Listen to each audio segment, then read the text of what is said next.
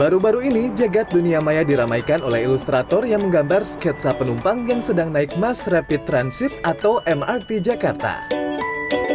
Sang ilustrator mengobservasi penumpang baik di dalam gerbong maupun yang sedang duduk di peron. Dengan cekatan, guratan sketsa itu dituangkan di atas kertas. Tentu saja tak mudah sebab objek yang digambar sewaktu-waktu bergerak. Ya itu challenge-nya di situ karena kita nggak tahu si apa orangnya akan pergi atau kapan selesainya Eh, jadi harus agak buru-buru ya gambarnya Zafira tak menyangka dirinya tengah digambar. Ia mengaku senang seolah mendapat kejutan.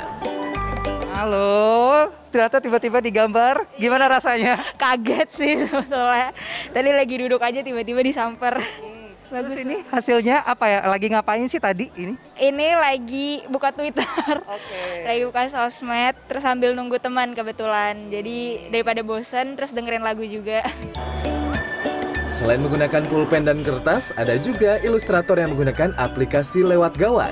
Saat mereka keluar gerbong, sang ilustrator langsung menyambanginya dan memberi hadiah hasil sketsa. Kaget sih karena aku juga nggak nyadar lagi digambar. Hasilnya? Bagus sih, lucu.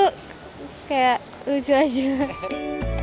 Berawal dari viral di media sosial, upaya menggambar sketsa ini berkembang menjadi kampanye donasi buku. Ya, para ilustrator ini merupakan komunitas lemari buku-buku yang digandeng MRT Jakarta untuk menarik penumpang berdonasi buku bacaan. Nah, sekarang saya mau coba challenge Mas Jo dengan Mas Reza. Yang satu pakai aplikasi ya tablet ya. Yang satu dengan biasa. Saya kasihnya dua menit loh.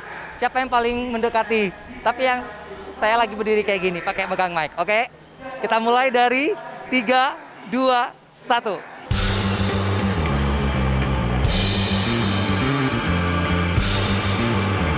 Stop. Nah, Hasilnya tak usah diragukan lagi, sketsa wajah saya berhasil digambar hanya dalam waktu 2 menit. Roni Satria, Dwi Aryo Prastandio, Jakarta.